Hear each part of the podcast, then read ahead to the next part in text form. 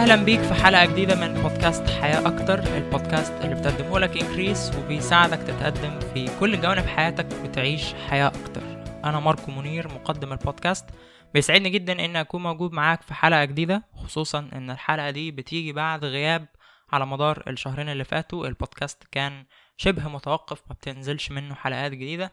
والسبب في ده إن البودكاست كان بيقدمه شريكي سابقا وصديقي أحمد الشاذلي. وأحمد قرر في النص الأول من شهر سبعة إنه يتخلى عن الاستمرار في Increase كمقدم للبودكاست وشريك ليا. أه الحاجة التانية كمان هي إني دخلت الجيش بأدي الخدمة العسكرية الإجبارية زي زي كتير من الشباب المصريين اللي بينطبق عليهم شروط التجنيد. فجه الاتنين مع بعض في نفس التوقيت أنا بأدي الخدمة العسكرية. وأحمد مش موجود في إنكريس فما كانش في حد يملى الفراغ ده اللي حصل في البودكاست فعشان كده كان البودكاست متوقف. الوقت اللي عرفت فيه من أحمد إن هو قرر يسيب إنكريس ما كانش عندي الوقت الكافي إني أسجل حلقات وإن هي تكون موجودة تتعرض أو تتذاع في الوقت اللي أنا غايب فيه ومسافر يعني تبع الجيش. فمن هنا حصل الفجوة دي إن مفيش حلقات خالص لا أحمد كان محضر حلقات ولا كان مجهز للفترة اللي جاية بعد كده ولا أنا كان عندي الوقت الكافي اللي أحضر فيه حلقات. فللأسف اللي حصل إن ما كانش فيه حلقات الفترة اللي فاتت. عندي أخبار كويسة يعني بالنسبة للناس المهتمة بموضوع الجيش ده وظروفي يعني في الفترة الجاية أنا الحمد لله آه الأمور ابتدت تستقر معايا. إن شاء الله هيكون عندي يعني وقت كويس إني أقدر أشتغل على البودكاست تاني وإن أنا أقدر أسجل حلقات. أكيد طبعا مش هيبقى زي الأول بس الحمد لله ربنا كرمني كرم آه كبير جدا وموجود في مكان كويس وعارف مواعيد الأجازات بتاعتي. وإن شاء الله أقدر أوفق أوضاعي وأرتب جدولي بحيث إني أقدر أقدم عدد كبير من الحلقات زي ما أنتوا اتعودتوا. وأحافظ على استمرارية البودكاست لأن البودكاست مش بقدمه كنوع من الرفاهية إن هي حاجة على جنب لأ البودكاست بالنسبة لي حاجة مهمة جدا وأعتقد إن هو بالنسبة لكتير من المستمعين حاجة مميزة. وبصراحة الرسائل اللي جات لي بعد ما أعلنت في البودكاست على إن أحمد ما بقاش موجود وإني بقيت بقدم البودكاست لوحدي في ناس حست إن البودكاست ممكن يتوقف وكان بيبعتوا لي بصراحة رسائل أثرت فيا جدا إن هم قد إيه متعلقين بالبودكاست وعايزينه يستمر. أنا بأكد إن البودكاست مستمر وإني بقوم بالخطوات اللازمة اللي تخليه إن هو يستمر وإني أكون بخصص له الوقت الكافي اللي يخلي البودكاست منتظم زي ما أنتوا اتعودتوا دايما مننا. زي ما أنتم ملاحظين من طريقتي في الكلام الحلقة دي مش scripted فما فيش سكريبت معين للحلقة دي أنا بقراه. أنا قررت إن الحلقة دي هتكون من غير سكريبت هتكلم معاكم زي ما بيقولوا كده من القلب. الكلام اللي هيجي على بالي هقوله وخلاص. عايز الحلقة دي تنزل بشكل تلقائي. وحشتوني جدا. أول مرة أتكلم معاكم بقالي فترة طويلة. عندي بعض الأخبار أو التعليقات أو الأفكار اللي أنا عايز أشارككم بيها من خلال الحلقة دي. بجانب طبعا الموضوع الأساسي اللي إحنا هنتكلم عنه في الحلقة دي وهو الإجابة على أسئلة المستمعين. أنا كنت كتبت post على group ال podcast على فيسبوك برشح لكل الناس اللي لسه ما انضموش لل group دي إن هم ينضموا ليها علشان بعلم من خلالها عن أخبار وباخد رأي الناس في حاجات كتير مش بقدر إني أخصص لها حلقة من البودكاست. يعني في حاجات ببقى مستعجل عايز أعرف رأي الناس فيها بشكل سريع أو حاجة بسيطة جدا عايز أبلغها للناس فمش معقول هعمل حلقة مخصوص علشان أبلغ الناس الخبر ده. ف group ال podcast يعني على الفيسبوك بيبقى فيها أخبار أكتر. فلو سمحتوا اللي ما انضمش لل group وحابب إن هو يتفاعل بشكل أكبر معايا ومع بقية المستمعين يا ريت ينضم ل group ال podcast على فيسبوك وهتلاقوا link ليها في كل صفحات حلقات البودكاست على موقعنا increaseeg.com بس أنا كنت كتبت post من حوالي شهر تقريبا عايز الناس يشاركوني بأسئلتهم لأني هعمل حلقة مخصصة للإجابة على أسئلة المستمعين. هو ده اللي أنا هعمله النهارده. هجاوب على أسئلة المستمعين زائد إن أنا زي ما قلت كده عندي كام تعليق هقولهم من خلال الحلقة. خلوني أبدأ معاكم أسئلة المستمعين. أنا عندي أربع أسئلة. السؤال الأول من آية سليمان. سؤال مهم جدا. تعالوا نسمع سؤال آية وبعدين أجاوب عليه. مساء الخير. إزيك يا ماركو؟ أنا آية سليمان. مش عارفة هتكون فاكرني ولا لأ. أنا كنت جيت سجلت معاكي الحلقة ومع أحمد الشاذلي اللي هي كانت بمناسبة مرور عام على البودكاست. آه، بص هو أنا حاليا بتقابلني مشكلة. نزلت أشتغل في أكتر من مكان ولكن الناس اللي ب report ليها عندها attitude issue. فطبعا الحتة دي بتخليني إن أنا م- مش قادرة إن أنا أروح الشغل مش بحقق ال productivity اللي أكون راضية عنها. آه، فباخد القرار إن أنا أقول لأ خلاص أنا مش هكمل. وطبعا المفروض إن أنا أتعود أتعامل مع كل أنواع الناس. فالمشكلة دي موجودة وأنا مش عارفة أتغلب عليها. فممكن تساعدني في إنك تقولي إيه الطريقة مثلا آه، من خلالها تخلي المشكلة دي مش موجودة عندي أو إن أنا أعرف أتعامل مع الناس دي. وشكرا جدا ليك يا ماركو. إزيك يا آية؟ أنا مبسوط بإني بسمع صوتك مرة تانية. آه، طبعا فاكرك وفاكر الحلقة دي. بالنسبة لسؤالك يا آية عندي كذا نصيحة ممكن أقدمها لك في الموضوع ده. آه، الحاجة الأولانية بس أنا عايز إن أنت تحاولي تفكري برضو في الموضوع من الناحية دي. هو المكان اللي أنت فيه نفسه كويس والمشكلة مع شخص واحد بس أو مجموعة من الأشخاص اللي هو المديرين بتوعك أو الناس اللي أنت بتتعاملي معاهم بشكل مباشر ولا في مشكلة في المكان ككل؟ ولا هل ده نمط موجود في المكان ككل؟ في مشكلة في التعامل ما بين الناس؟ في نوع من عدم النظام؟ في نوع من تخطي حدود كتير في التعامل في attitude issue في المكان ككل ولا attitude issue بس مع الشخص المدير بتاعك أو اللي أنت بتتعاملي معاه بشكل مباشر. فلو المشكلة في المكان ككل طيب هل أنت مضطرة للاستمرار في مكان زي ده؟ هل في بدايل تانية أنت ممكن تجربيها ولا لأ؟ لأن لو حاجة زي كده المكان ككل بيسمح بحاجة زي كده فدي ممكن تبقى مشكلة كبيرة أكبر من إن أنت تقدري تتعاملي معاها مع شخص أو اتنين. دي هي ده في مشكلة في المكان ككل. ولو الشخص ده اللي انت بتتعاملي معاه ده وعندك مشكلة معاه اتغير أي شخص تاني هيجي بعديه غالبا هيتأثر بالبيئة المحيطة وهيكون في نفس المشكلة تاني. بفتكر إن في واحد صاحبي كان آه، اتكلم معايا مرة وإن هو كان بيشتغل يعني في شركة من الشركات. وكان عنده مشكلة شبيهة بالمشكلة بتاعتك دي بيتخانق دايما مع المدير بتاعه آه، في مشاكل كتير وهكذا. آه، اللي فهمت منه إن في مشكلة دي في المكان ككل المكان ككل بيسمح بده.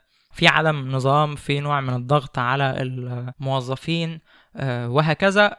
هو مؤخرا ساب الشغل بتاعه في الشركة دي وراح لشركة تانية. بقى مرتاح أكتر بكتير جدا بقى ما فيهاش المشاكل دي فبقى مرتاح نفسيا مش محتاج إن هو كل يوم يفكر طب أنا بقى هتخانق بكرة مع مين آه، هعمل إيه لما فلان يكلمني بالطريقة الفلانية وهكذا. فلو في مشكلة في المكان ككل فوجهة نظري إن انت ممكن تدوري على بدايل للمكان ده. لكن لو المشكلة في شخص معين فممكن آه، يبقى في أكتر من طريقة للتعامل معاه. الطريقة الأولانية هي ممكن تكون في ناس كتير مش بتفضلها بس أنا عن نفسي بشوف إن هي طريقة فعالة جدا. إن أنت ممكن تقيمي الشخص اللي أنت عندك مشكلة معاه ده. هل ده شخص أنا ممكن أتكلم معاه؟ هل هو ممكن أصارحه بإن عندي مشكلة في طريقة تعاملنا مع بعض؟ وطبعا مش هجيبها له بالشكل المباشر ده بس أنا من جوايا بفكر. هل ده شخص ممكن الكلام معاه بيتقبل الكلام وإن هيساعدني في إن إحنا نحل مشكلتنا مع بعض؟ ولا هو طبيعته كده وممكن مثلا لو أنا اتكلمت معاه يبتدي إن هو يمسك عليا فكرة إن أنت بقى مش حابة الشغل أو أنت بقى بتتنكي علينا أو أنت فاكرة نفسك إيه والحاجات دي. فلو هو ممكن تتكلمي معاه فياريت تتكلمي معاه وتقولي له إن إحنا الاتنين هدفنا في الشركة دي إن إحنا نحقق نتائج كويسة جدا. ف إيه المطلوب مني إن أنا أعمله علشان نحقق النتائج ال- المطلوبة مع بعض؟ ونفس الكلام برضو أنا أقول لك إيه اللي أنا محتاجاه علشان نقدر إن إحنا نشتغل مع بعض في نوع من التناغم. فممكن إن هي تيجي بالشكل ده. إيه اللي أنت طالبه مني؟ إيه الملاحظات اللي عندك على الأداء بتاعي؟ وإيه اللي شايف الحاجات اللي أنا ممكن أصلحها؟ وبرضه أنت ممكن تتكلمي معاه في إن برضه بعض الحاجات اللي أنت بتعملها بيكون يعني بتأثر فيا. بفتكر إن أنا مثلا فاشلة أو كده فأنا حريص على إني أشتغل. قول لي بس إيه اللي المفروض إن أنا أعمله وتوري له فعلا إن أنت حريصة على الشغل وإن أنت آه، عايزة تثبتي نفسك. طبعا المناقشة معاه تكون بهدوء من غير ما تدافع عن نفسك من غير ما تحسسيه إن هو غلطان إن هو السبب في آه، مشاكل الأداء بتاعتك. حتى لو هي دي فعلا وجهة نظرك مش لازم تجيبيها له بالشكل ده. لو ما قدرتيش تحل المشكلة معاه كان في نوع من العند من ناحيته. ممكن برضو إن أنت تحاولي تتكلمي مع المدير بتاعه بالرغم إن دي مش حاجة مفضلة مش ده أفضل حل. لكن لو هو ده الحل الوحيد فأنت محتاجة إن أنت تتكلمي مع المدير بتاعه إن الشخص الفلاني في نوع من التعنت في التعامل معايا. ممكن تاخدي رأيه في إن أنا إزاي أتعامل مع الشخص ده. برضو ما تروحيلوش بموضوع الشكوى إن أنا بشتكيه ده هو بيعاملني بشكل وحش. لأ أنت إيه رأيك في الشخص ده؟ أنا ممكن أتعامل معاه إزاي؟ ممكن تسألي ناس أقدم منك. الشخص ده بيتعامل معاكم كلكم كده طب تنصحوني أتعامل معاه إزاي وهكذا؟ الناس الأقدم أكيد عارفين المفاتيح بتاعة التعامل معاه. حاجة تانية ممكن في طريقتك يعني أو في علاقتكم ببعض خلي كل حاجة ما بينكم موثقة. يعني لما يطلب منك حاجة حتى لو طلبها منك على التليفون ممكن إن أنت بقى تبعتي له إيميل الرد بتاعك على الطلب بتاعه ده وتقولي له بناء على الطلب اللي أنت طلبته مني في التليفون طلبت مني واحد اتنين تلاتة. أنا قدرت أنجز واحد واتنين ورقم تلاتة أنا شغال عليها حاليا وهكذا. فكل حاجة ما بينكم تكون موثقة بحيث إن لو حصل في أي مشكلة في حاجات تثبت إن هو طلب مني الحاجة الفلانية فما يجيش يقول لي لا ده أنا ما طلبتش دي أو أنا طلبت دي ودي وأنت ما عملتيش غير واحدة بس وهكذا. فيعني في حاجة تقدروا إن أنتوا ترجعوا لها لو في حد هيراقب عليكم أنتوا الاتنين يبقى في حاجة تثبت الكلام بتاعك. حاجتين تانيين ممكن برضو ان انت تعمليهم. الحاجة الأولانية إن دي عادة ممكن تخليها عندك في أي شغل انت بتعمليه في أي مكان انت بتشتغلي فيه حتى لو مش مرتاحة نفسيا في الشغل في المكان ده. خلي دي يعني زي ما بيقولوا إيه عادة عندك أو طبيعة في شخصيتك هي إن انت بتقدمي أكتر من المرتب اللي انت بتاخديه. يعني أنا ممكن أكون باخد مرتب على إن أنا بشتغل آه عندي مهام معينة بقوم بيها. لا أنا ممكن أقوم بحاجات أكتر آه في مصلحة الشغل وفي مصلحة الشركة أكتر من المرتب اللي هما بيدوهوني. مش اللي هو فلسفة اللي هو أنا بشتغل على قد فلوسكم أو على قد المرتب اللي أنتوا بتديهولي. خلي عندك دايما العادة دي أو الأتيتيود ده. أنا بشتغل وبقدم أكتر من اللي بيدفع لي. وفي حاجة زي كده أنت مش بتتعاملي مع شخص معين مش بعمل كده علشان أنا خايف من حد معين أو إن أنا عايز أبهر حد معين لا أنت بتتعاملي زي ما بيقولوا كده مع ربنا. بتطوري من مهاراتك وبتعودي نفسك على إن أنا أكون مميزة في المكان اللي أنا موجودة فيه وإن دايما بقدم أفضل ما عندي. هتلاقي نفسك بتترقي وبتروحي أماكن أحسن ولو الشخص اللي أنت بتتعاملي معاه ده ما بيقدرش الحاجة دي في حد تاني هيقدرها وفي حد أهم من كل دول هيقدر الكلام ده هو ربنا. هو شايف كل اللي أنت بتعمليه ده وهيكافئك عليه. فخلي عندك العادة الأولانية دي الحاجة التانية كمان برضه هي ممكن تكون مش بديهية. كل يوم قبل ما تنامي اكتبي ثلاث أسباب انت بتحمدي ربنا على التعامل مع الشخص ده عشانهم. ثلاث أسباب انت مبسوطة انك بتتعاملي مع الشخص اللي مضايقك ده عشانهم. كل يوم ثلاث أسباب ثلاث حاجات كويسة فيه. هو ممكن يكون شخص وحش جدا بس أكيد فيه ثلاث حاجات كويسة. ممكن تكون انت مش شايفاهم بشكل مباشر بس لما تبتدي تدوري عليهم هتبتدي ان انت تلاقيهم. ولما تلاقيهم الاتيتيود بتاعك في التعامل مع الشخص ده هيبتدي يتغير وبناء عليه رد فعله ناحيتك من غير ما انت تاخدي بالك برضه هيبتدي ان هو يتغير هو هيحس بده وانت هتحس بده وعلاقتكم مع بعض هتلاقوا انها بقت أفضل. جربي موضوع الثلاث أسباب ده من غير حتى ما تفكري فيه جايز هو يكون مش بديهي بس زي ما بقولك كده إيه جربي وهتلاقي نتائج كويسة جدا. هي دي النصايح بتاعتي. أتمنى إن انت تجربيها وتكون فعالة معاكي وإن شاء الله المشكلة اللي انت بتقابليها دي تتحل وتتخطيها إن شاء الله بسرعة. بس حاجة تانية كمان أنا برشح لك ترجعي تسمعي الحوار بتاعنا مع الدكتور خالد حبيب. هو شخص مميز جدا وعنده خبرة كبيرة جدا يعني كشخص خبير في الموارد البشرية وإعادة هيكلة الشركات. فالحلقة بتاعته أنا فاكر كان فيها نصايح كتير بالنسبة للناس اللي عندهم مشاكل في التعامل مع المديرين بتوعهم.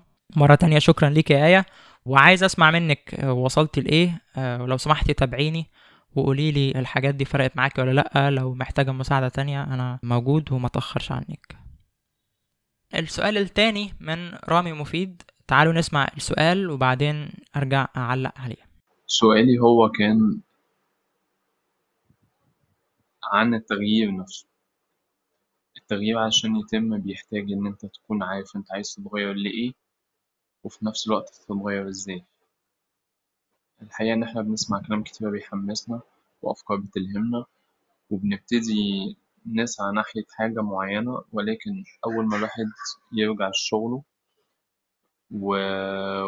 وزحمة الشغل وإن الواحد يخلص متأخر وي... وينام متأخر تبتدي كل الأفكار دي تتلاشى كل الحماس ده يروح يرجع روتين الحياة اليومي اللي الواحد متضايق منه ومش والحاج... ويفضل يعمل نفس الحاجات اللي هو مش قابلها ومش عايزها. مبيعرفش يوصل للوجهة اللي كان نفسه فيها. وفي نفس الوقت الحماس والوقود اللي هيساعده إنه يعمل التغيير بيكون راح. فبنفضل في الدوامة دي. نسخن شوية نروح ناحية حاجة ونحبط وننسى إحنا عايزين إيه وهكذا وهكذا وهكذا. يفضل كل يوم زي اللي بعديه. بشكرك يا رامي على سؤالك. هو سؤال رامي عن التغيير بشكل عام. آه، رامي ما حددش التغيير شكله عامل إزاي أو في اي جانب. فانا اجابتي كمان هتكون عامة وممكن اي حد بقى يسمع الاجابة دي يفصلها على التغيير اللي هو عايز يحققه في حياته. ولو حد عايز مساعدة بشكل محدد أكتر برضو ممكن يبعت لي على اي لايف وهحاول ان أنا اساعده على قد ما أقدر. بشكل عام علشان يتم التغيير بشكل سليم ويستمر مع الوقت لازم يكون التغيير ده على أكتر من مستوى. الإنسان بيعيش على مستويين مستوى مادي ومستوى معنوي. في الجانب الفكري والجانب العاطفي من الإنسان غير مادي غير ملموس والجانب المادي هو جانب بقى التصرفات والسلوكيات بتاعة الإنسان وده اللي معظم الناس بتركز عليه. بس أنا علشان أعمل تغيير بشكل كامل يستمر محتاج إن أنا أشتغل على الجانبين دول. لو أنت عايز تغير جانب معين في حياتك فأنت محتاج إنك كل يوم تفكر نفسك باسبابك اللي بتدفعك إن أنت تغير الجانب ده ليه أنت عايز تروح من نقطة ألف لنقطة ب؟ إيه المزايا اللي هتحصل عليها في حياتك؟ التغيير الإيجابي اللي هيحصل في حياتك شكله عامل إزاي؟ لأن إحنا بننسى وبننشغل بالظروف اللي حوالينا وبالمشاكل اليومية اللي بنقابلها وبالمتطلبات بتاعة الحياة. فأنت محتاج إن أنت تفكر نفسك كل يوم هو أنا ليه عايز أغير الحاجة الفلانية دي؟ ليه عايز أتغير آه، بالشكل ده؟ ممكن تعمل ده بقى بأكتر من طريقة. الطريقة الأولانية هي إن أنت تتخيل التغيير اللي أنت عايز تحققه تتخيل نفسك في الوضع الجديد ده اللي أنت بتحلم بيه وبتحقق النتائج آه، بالشكل اللي أنت بتحلم بيه وهكذا. فده جانب. ونقطة تانية برضو ممكن تساعدك في الموضوع ده إن أنت تكتب أسبابك. كل يوم الصبح مثلا أول ما تصحى من النوم تكتب عن الأسباب اللي أنت عايز تتغير علشانها للحاجة الفلانية دي. تفكر نفسك بالاسباب دي أو بالتغيير اللي أنت عايز توصل له. النقطتين اللي أنا اتكلمت عليهم دول بيخاطبوا الجانب المعنوي منك. ممكن تقرأ كتب عن الحاجة المعينة اللي أنت عايز توصل لها دي تسمع ناس اتغيروا بالشكل اللي أنت عايز تتغير بيه وهكذا. إن أنت تغذي عقلك بحاجات تساعدك إن أنت تتمسك بالفكرة دي أكتر وإنها تكون في بالك على طول وإنك تتعاطف معاها أو إن أنت تحس بيها باستمرار وبتأثر في مشاعرك. فده بالنسبة للمستوى الأول اللي هو المستوى المعنوي. بالنسبة بقى للمستوى المادي إن أنت تكون عندك عادات جديدة أنت بتحاول تكونها بتساعدك في الاستمرارية في طريق التغيير اللي أنت بتحلم بيه. فإن أنت تبتدي تشوف إيه هي العادات الأساسية المرتبطة بالتغيير اللي أنت عايزه ده اللي هي لو قدرت إن أنت تتمكن من العادة دي بقية الحاجات هتبقى أسهل بكتير علشان تتغير. مثلا بالنسبة لواحد وزنه زيادة وإن هو عايز يخس فممكن تكون حاجة زي الرياضة مثلا ممكن تكون عادة أساسية بالنسبة له هتساعده إن هو بقى يبتدي ينظم أكله إن هو ياكل أكل صحي إن هو يكون بيبذل مجهود كل يوم المجهود ده يساعده إن هو يحرق دهون وسعرات علشان يوصل في النهاية للنتيجة اللي هو عايزها. لو هو قدر يخلي الرياضة عادة عنده بقية الحاجات هتبقى أسهل بكتير. فإيه هي العادة الأساسية اللي أنت ممكن تكونها علشان تساعدك تحقق التغيير اللي أنت بتحلم بيه؟ تتعامل بقى مع العادة دي إزاي علشان برضو يعني ما تبقاش أنت بتعملها مرة وخلاص وتفقد الأمل فيها أو ما تكملش لازم العادة دي تحاوطها أو تحميها بمجموعة من الاستراتيجيات اللي هي الخاصة بالعادات اللي تساعدك إن أنت تثبت العادة دي عندك. استراتيجيات زي إيه؟ زي مثلا زي المونيتورنج المراقبة زي ال scheduling إن أنت تجدول العادة دي في يومك. ال convenience مثلا إن أنت تخلي العادة دي مناسبة أكتر آه، ليك في يومك وهكذا. الاستراتيجيات دي كلها إحنا اتكلمنا عنها بشكل مفصل أكتر في مناقشتنا لكتاب Better Than Before آه لجريتشن روبن. أو كتاب أفضل من قبل. الحلقة دي ممكن ترجع تسمعها تاني وتطبق الاستراتيجيات الخاصة بالعادات علشان تساعدك إن أنت تحافظ على العادة دي في يومك وإن أنت تكون بتاخد كل يوم خطوات تساعدك على تحقيق التغيير اللي أنت بتحلم بيه.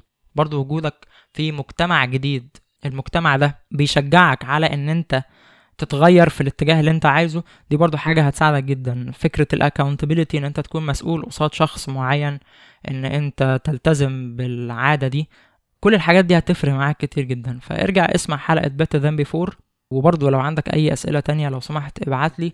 آه، لو عايز تتكلم معايا بشكل محدد أكتر أنا جاهز وأتمنى ربنا يوفقك في الحاجة اللي انت عايز تعملها وتحقق التغيير اللي انت بتحلم بيه. السؤال الثالث من مرام هشام. تعالوا نسمع السؤال برضو وبعدين أرجع أجاوب عليه. السلام عليكم. النهارده سؤالي هيكون عن التركيز. التركيز بمعنى إيه؟ بمعنى إن أنا بيبقى عندي حاجات كتير قوي عايزة أعملها. آه، مهارات مثلا عايزة أتعلمها كل كل حاجة. وبعدين ما بعملش ولا حاجة من الحاجات اللي أنا عايزة أعملها. بسبب إن أنا بس مش عارفة أختار أبتدي بإيه. ومش عارفة أختار أركز على حاجة معينة. فدايما بينتهي بيا الأمر إن أنا مثلا بختار ثلاث حاجات. ثلاث حاجات كبار وأبتدي فيهم وبعدين فجأة طبعا بتضغط في الوقت جدا.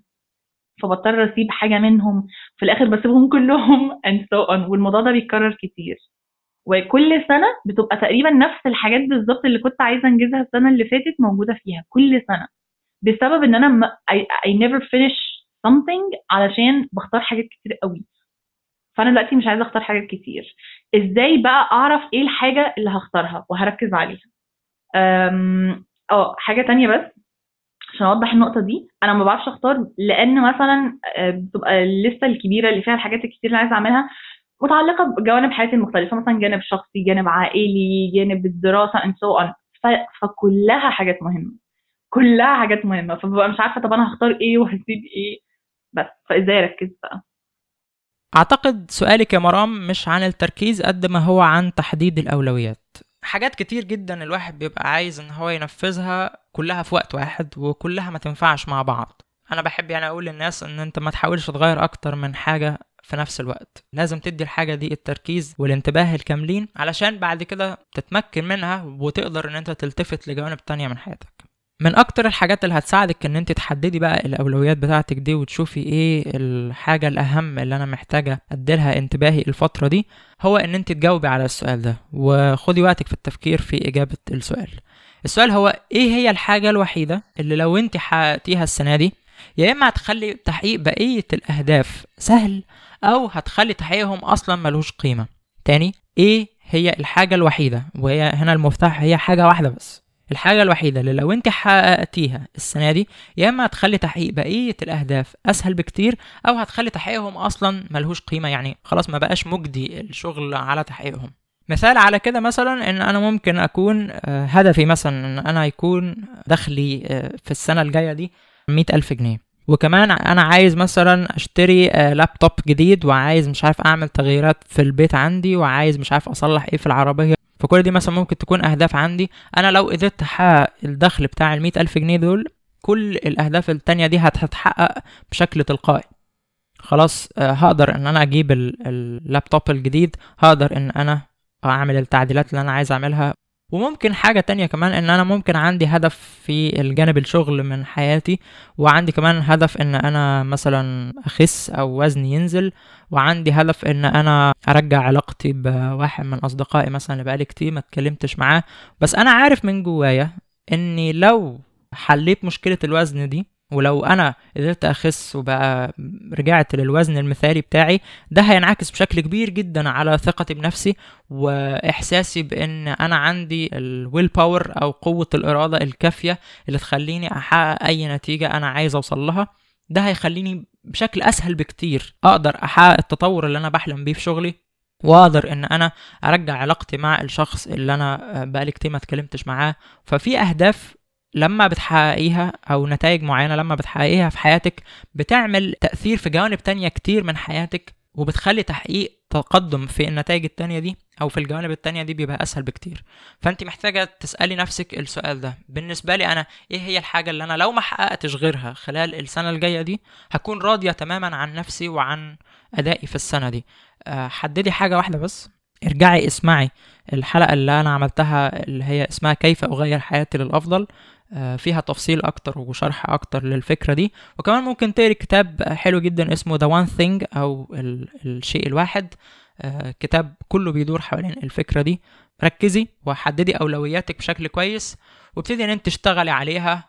وزي ما كده الدكتور أمير برسوم بيقول ابتدي إن أنت eliminate the noise أو اللي هو شيلي الدوشة من حياتك. كل ما تظهر لك فرصة جديدة إن أنت تروحي في سكة تانية غير السكة اللي أنت محدداها لنفسك. اقفلي الباب ده تمسكي بالهدف بتاعك لغاية لما تحققيه. وبعد ما تحققيه ابتدي إن أنت بصي على فرص تانية وحاجات تانية أنت ممكن تعمليها في حياتك. بتمنى لك التوفيق يا مرام وبرضه لو محتاجة أي مساعدة آه، تقدري تبعتيلي ونتواصل مع بعض. السؤال الرابع من دكتور أحمد عبادة. تعالوا نسمع السؤال وهرجع أجاوب عليه. في البداية حابب أشكرك يا ماركو على مجهودك وإصرارك إنك تكمل البودكاست رغم الظروف الصعبة اللي أنت بتمر بيها حقيقة دلوقتي. سؤالي بقى هو لو هترشح كتاب واحد بس لمستمع البودكاست عشان يقروه يا ترى إيه هو يكون الكتاب ده؟ ويا ترى ليه اخترت الكتاب ده بالذات؟ وإزاي هيفرق في حياة كل اللي هيقراه؟ في النهاية مفيش غير إني أدعي لك بكل التوفيق إن شاء الله في مرحلتك المقبلة إن شاء الله. شكرا. بشكرك جدا على أمنياتك يا دكتور أحمد وتشجيعك ليا. الكتاب اللي برشحه لأي حد ووجهة نظري إن أنت لو ما قريتش أي كتاب غير الكتاب ده فممكن يكون كافي جدا إنه يعمل تأثير ونقلة حقيقية في حياتك. الكتاب هو The Science of Getting Rich لوالاس دي واتلز أو علم الثراء للمؤلف والاس واتلز وكتاب علم الثراء ده أو The Science of Getting Rich هو الكتاب اللي اتبنى عليه فيلم The Secret أو كتاب The Secret.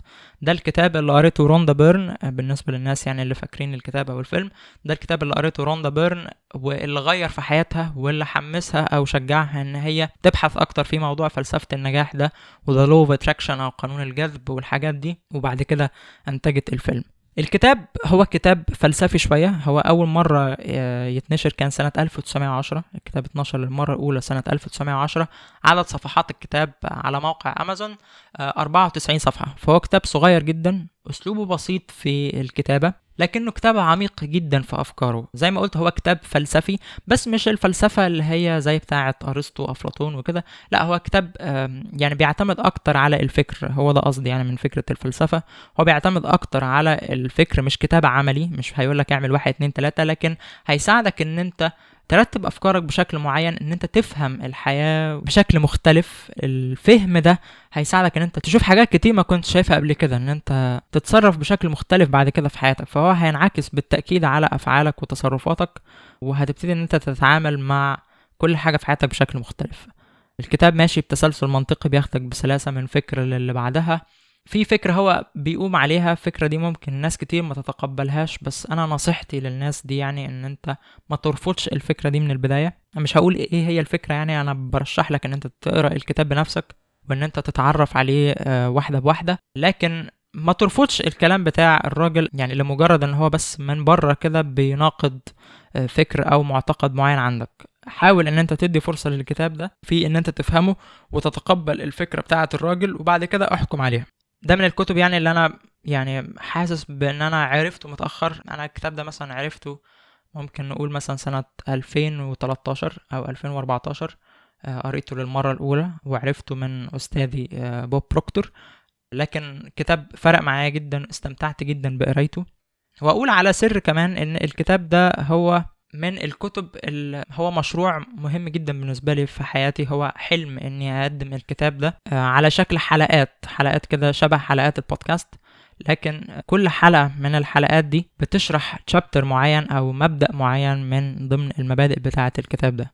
وبالفعل أنا أخدت خطوات في الموضوع ده من حوالي ثلاث سنين. برضو ده صدفة يعني جميلة جدا إن في الوقت ده من سنة 2015 أنا كنت بدأت مع مجموعة من الأشخاص في إن إحنا نشتغل على آه، تقديم الكتاب ده بشكل زي ما قلت كده حلقات برنامج مسموع مجموعة من الحلقات الحلقات دي بتشرح الكتاب بشكل مبسط جدا وبتقدم خطوات عملية تقدر إن أنت بعد ما تسمع الحلقة تنفذها وتحقق نتائج كبيرة من الكتاب ده. واشتغلنا فعلا على شرح الكتاب قعدنا اشتغلنا تقريبا يعني خلصنا لحد حوالي الشابتر السابع من الكتاب. هو الكتاب تقريبا 17 أو 18 شابتر إحنا خلصنا للشابتر السابع يعني حوالي التلت. لكن للأسف بعد كده الكتاب توقف الكلام ده كله كان قبل بداية البودكاست قبل فكرة البودكاست بفترة يعني. توقفنا لبعض الوقت لأن في الوقت ده أنا كنت لسه بدرس في الكلية وكان عندي الامتحانات وهكذا. فتوقفنا آه، لوقت قليل.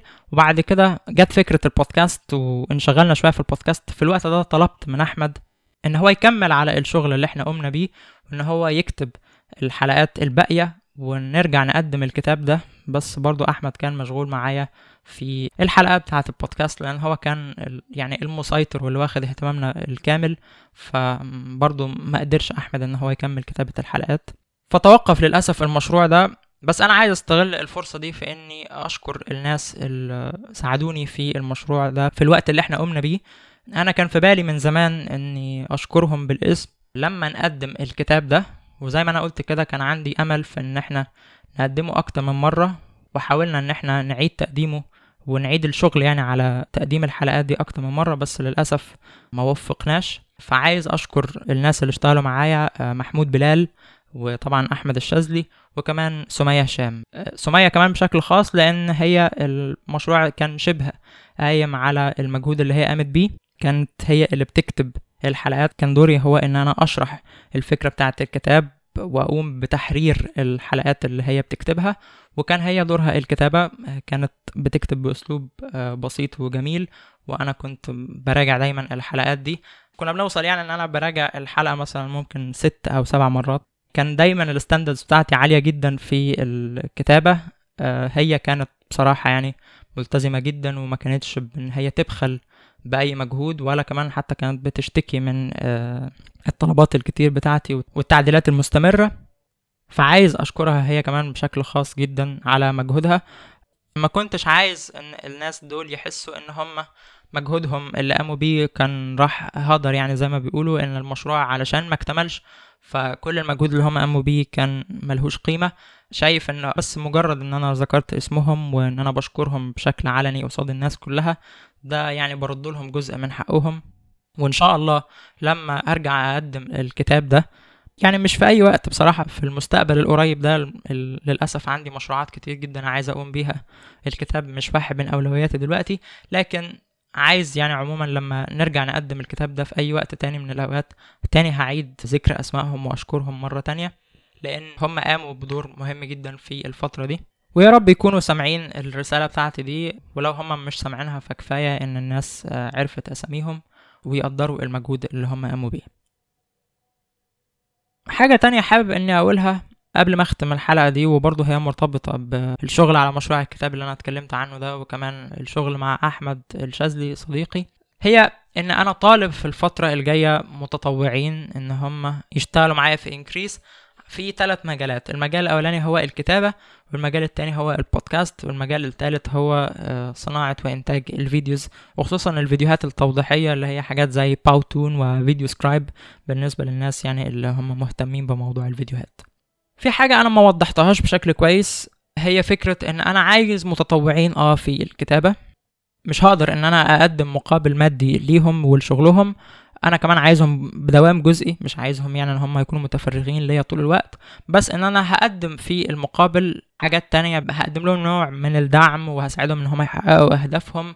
هيكون في فرصة إن هم يحضروا معايا حلقات البودكاست مع آه، الضيوف المميزين اللي إحنا بنستضيفهم وحاجات تانية كتير. تقدروا ان أنتوا تعرفوا عنها من خلال Google Form كده أنا كنت عاملها علشان خاطر الناس يقدموا من خلالها. لكن في حاجة تانية كمان أنا عايز اقولها هي ان أنا طالب متطوعين في الكتابة وفي انتاج الفيديوز بس أنا طالب متدربين مش متطوعين في آه، موضوع البودكاست. إيه الفرق ما بين المتدربين والمتطوعين؟ الفرق يعني الجوهري بالنسبة لي هو ان بالنسبة للبودكاست أنا عايز من الناس استمرارية أكتر من اي حاجة تانية. أكتر من أي مجال تاني أقصد يعني.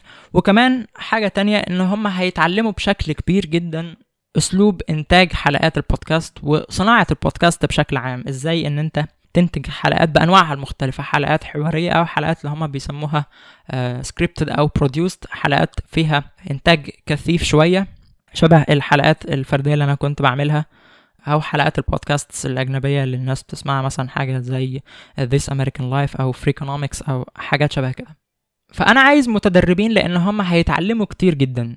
طبعا برضو مش هيبقى فيه مقابل مادي بس هم هيتعلموا أكتر من ما أنا هعلم الناس في الكتابة أو في صناعة الفيديوز. حاجة أنا ما كنتش بفكر فيها لوقت طويل جدا كنت باخدها كده يعني على إنها أمر بديهي أو حاجة إن أنا مش باخد بالي منها. هي فكرة إن الناس لما بيشتغلوا معايا إيه الدوافع بتاعتهم؟ إيه الدوافع بتاعتك علشان إن أنت تقدم على الفرصة بتاعة التدريب في البودكاست أو إن أنت تتطوع معايا في الشغل على الكتابة أو أي حاجة تانية؟ أنا ذكرت مجموعة من المشروعات اللي أنا قمت بيها واللي هي ما استمرتش. أكيد عدم استمرار المشروعات دي كان في جزء أخطاء مني أو عدم كفاءة في الإدارة أو التخطيط أو التعامل مع الفريق بتاعي. لكن وجهة نظري إن كان السبب الأكبر وده ينطبق على حاجات كتير جدا كان السبب الأكبر في عدم الاستمرار هي فكرة عدم توافق الدوافع ما بين آه، أعضاء الفريق الواحد. في أوقات أنا كنت ببقى بختار الناس لأن هم بيقوموا بالشغل المطلوب منهم بشكل كويس وإن أنا مبسوط في التعامل معاهم إن آه، مرتاح يعني في التعامل مع الشخص الفلاني ده. لكن أوقات كتير الاتنين دول مش بيبقوا كافيين. أوقات ما كنتش بفكر طب هو الشخص ده إيه اللي هو هيستفيده من الشغل معايا؟ آه، هل هي دي الحاجة اللي هو عايز يقضي بقية حياته إن هو يعملها ولا لأ؟ أو على الأقل عايز يقضي الفترة دي من حياته في إن هو يعملها ولا لأ؟ في البداية كنا بنبقى مبسوطين بالتعامل مع بعض ومبسوطين بإن إحنا بننجز بس بعد كده بتبتدي إن إحنا نكتشف إن الشخص ده كان بيعمل حاجة علشان آه، خاطري. إن هو مثلا عايز يساعدني أو إن هو عايز يتعلم حاجة جديدة بعدين اكتشف إن مش هي دي الحاجة المناسبة ليه فابتدى إن هو يشوف حاجة تانية ممكن إن هو يتعلمها أو يشتغل فيها. بالنسبة للناس اللي بيقدموا على الشغل في انكريس يتأكدوا كويس جدا من موضوع الدافع ده. أنا الناس اللي عايزهم يشتغلوا معايا بالتحديد في موضوع البودكاست لازم يكون هو مهتم بالبودكاست في مصر وبره مصر. يعني هو مستمع جيد لبرامج البودكاست. مؤمن بالرسالة اللي بتقدمها البودكاست ال- الإمكانيات اللي ممكن تتقدم من خلالها والفرق اللي إحنا ممكن نعمله في حياة الناس من خلال وسط كده زي الوسط الصوت ده. ما يكونش الشخص ده الدافع بتاعه إن هو يتدرب علشان خاطر يتعلم إزاي البودكاست بيتعمل وبعدين آه، أنا هعمل البودكاست بتاعي بالرؤية بتاعتي آه، لنفسي. مش ده اللي أنا طالبه. لو أنت عايز تتعلم إزاي البودكاست بيتعمل أنا ممكن أعلمك ده بدون مقابل ومن غير ما تتعب نفسك وتضيع وقتك ووقتي.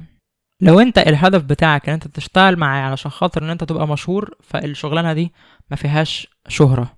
لو أنت الهدف بتاعك إن أنت تشتغل معايا علشان خاطر فلوس فالشغلانة دي كمان ما فيهاش فلوس على الأقل للوقت اللي بنتكلم عليه دلوقتي.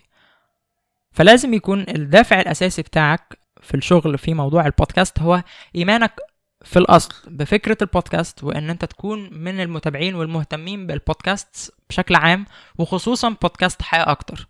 فهي دي كمان بقى النقطة التانية إن هو ماشي آه أنت بتحب البودكاست ومؤمن بالدور اللي ممكن آه، تقوم بيه البودكاست في حياة الناس بس بصراحة أنا مش مقتنع بماركو كمحاور أو مش مقتنع بالمستوى اللي ماركو بيقدمه من إنتاج البودكاست. ما عنديش أي مشكلة مع ده وده مش عيب. لكن في نفس الوقت طب لو أنت مش مقتنع بماركو كمقدم للبودكاست ما تروحش إن أنت تتعلم منه تقديم البودكاست ده مش حاجة منطقية بالنسبة لي. في الفترة الجاية دي إحنا هنكون بنشتغل مع بعض عن قرب وهنشتغل مع بعض يعني لفترة طويلة على الأقل بالنسبة للمتدربين دول يكون الشغل معايا لمدة ست شهور. وإن شاء الله لو في توسع في الشغل بتاع انكريس وبقى في احتياج لأن يكون في شخص متفرغ وبياخد مرتب أول ناس هفكر فيهم هم الناس اللي اتعلموا معايا واللي هم بقينا متعودين على بعض وبقينا واثقين في شغل بعض. أنا عايز حد يكون مهتم فعلا بالبودكاست دي الحاجة اللي هو عنده شغف بيها في الفترة الحالية من حياته وكمان إن هو يكون مقتنع بالشغل معايا مقتنع بفكري ومقتنع بالمستوى اللي أنا بقدمه. لما برجع تاني أبص للحاجات اللي أنا عملتها على مدار السنين اللي فاتت دي بكتشف إن في كل الأوقات بلاش في كل يعني في معظم الأوقات غالبا الحاجة اللي إحنا بنشتغل عليها هي حلمي أنا ورؤيتي أنا مش رؤية حد فيهم. فده كان بيخلي الموضوع بالنسبة لي أنا مبسوط آه إن الشغل اللي أنا عايزه بيتم إنجازه بس آه، أوقات كتير ما كنتش بفكر طب هم عايزين إيه؟ آه، أوقات الواحد بينشغل في إن بيتابع أو بيتقدم ناحية حلم معين بالنسبة له طب والشخص التاني ده إيه اللي بيحركه؟ إيه اللي هو عايز يطلع بيه من الحاجة اللي هو شغال عليها دلوقتي دي؟ في ناس أنا قعدت معاهم من ال... الناس اللي تقدموا يعني التطوع أو الشغل في البودكاست. دول اللي أنا بدأت بيهم. ما قعدتش معاهم كلهم قعدت مع مجموعة منهم. وحسيت في وقت من الأوقات كده إن في ناس عايزين يشتغلوا معايا لمجرد إن هم عايزين يساعدوني أو إن هم متعاطفين معايا. أنا ده بقدره جدا لكن ما ينفعش ده يبقى دافع كافي علشان خاطر أنت تستمر في الشغل معايا. لازم تفكر في الموضوع ده في ال- السيناريو اللي فيه أنت أناني في قمة الأنانية بتاعتك وأنا في قمة الأنانية بتاعتي إحنا الاتنين نكون كسبانين. أنت تكون مستفيد وأنا أكون مستفيد. لكن لو أنا أناني فأنا عايز شغلي يتم وانت يا عيني بتساعدني فبتيجي على نفسك علشان خاطر تساعدني. انت ما كسبتش اي حاجة خالص أنا بس اللي كسبت. أو ان أنا بساعدك وبعلمك وفي النهاية انت هتسيبني وتشوف مستقبلك. وأنا ما استفدتش اني انجزت الشغل بتاعي اللي أنا عايزه. أنا عايز السيناريو اللي انت تكون لما تكون في اناني جدا وأنا اكون في اناني جدا إحنا الاتنين نكون كسبانين. فده الحاجة الوضع الامثل اللي أنا بدور عليه. أنا لسه بستقبل آه، طلبات متدربين تانيين في البودكاست. لو سمحتوا اللي عايز يشتغل معايا على إنتاج حلقات بودكاست متنوعة وهنشتغل مع بعض على الحلقات من بداية الإعداد للحلقة نفسها والتسجيل وكمان تحرير الصوت أو تعديل الصوت والشغل على برامج التعديل لغاية لما الحلقة تنزل للناس وإن إحنا نعمل لها التسويق بتاعها وهكذا. فهنشتغل مع بعض في كل المراحل دي. فأنت كمان لازم تكون متقبل إن أنت بتشتغل في الحاجات الحلوة اللي هو الإعداد وإن أنت تقابل الضيف وهكذا وكمان إن أنت بتعمل الشغل اللي هو مش محبوب قوي اللي هو فكرة إن أنا أعدل الصوت وأقعد أشتغل على الحلقة من الناحية الفنية آه، لساعات طويلة. فأنا لسه بستقبل ناس جداد لو سمحت اللي عايز يستفيد من الفرصة دي يبعت لي على iLife at وأنا هبعت له form ال form دي يملاها وهتواصل معاه في أقرب وقت ممكن.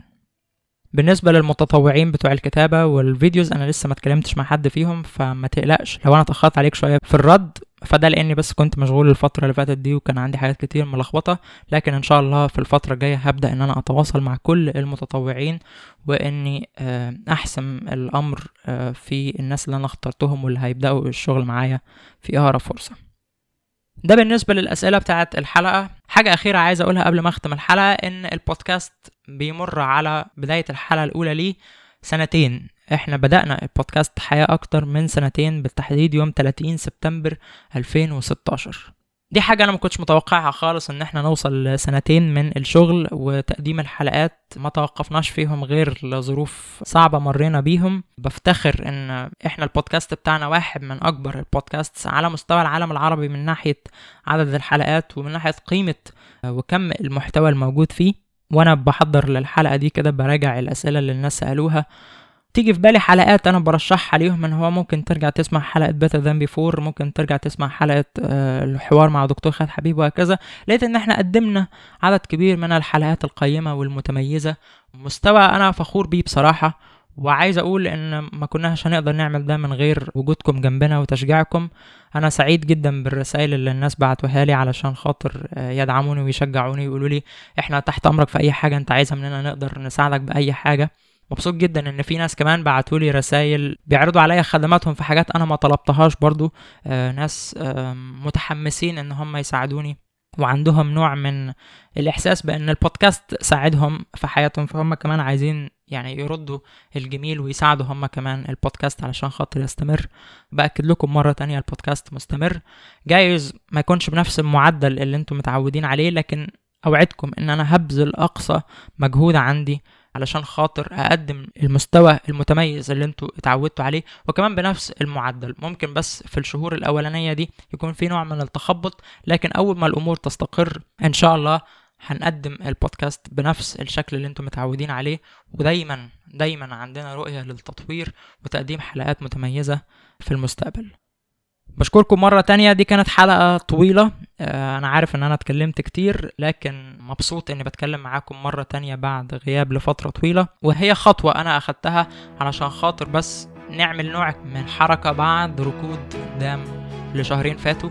الخطوة الأولانية دي بتبقى صعبة كانت صعبة عليا ما انكرش الموضوع ده. آه كنت ناسي تقديم الحلقات بيبقى عامل إزاي والشغل المطلوب علشان خاطر الحلقة تنزل لكن مع الوقت هيبتدي المومنتم أو الزخم يرجع تاني. ونستمر في الحركة لغاية لما ترجع الأمور لطبيعتها وتمشي بسلاسة تاني زي الأول. بشكركم مرة تانية ونتقابل في حلقة جديدة من البودكاست الجمعة الجاية بإذن الله. من هنا لحد ما نتقابل بتمنى لكم دوام السعادة والتقدم.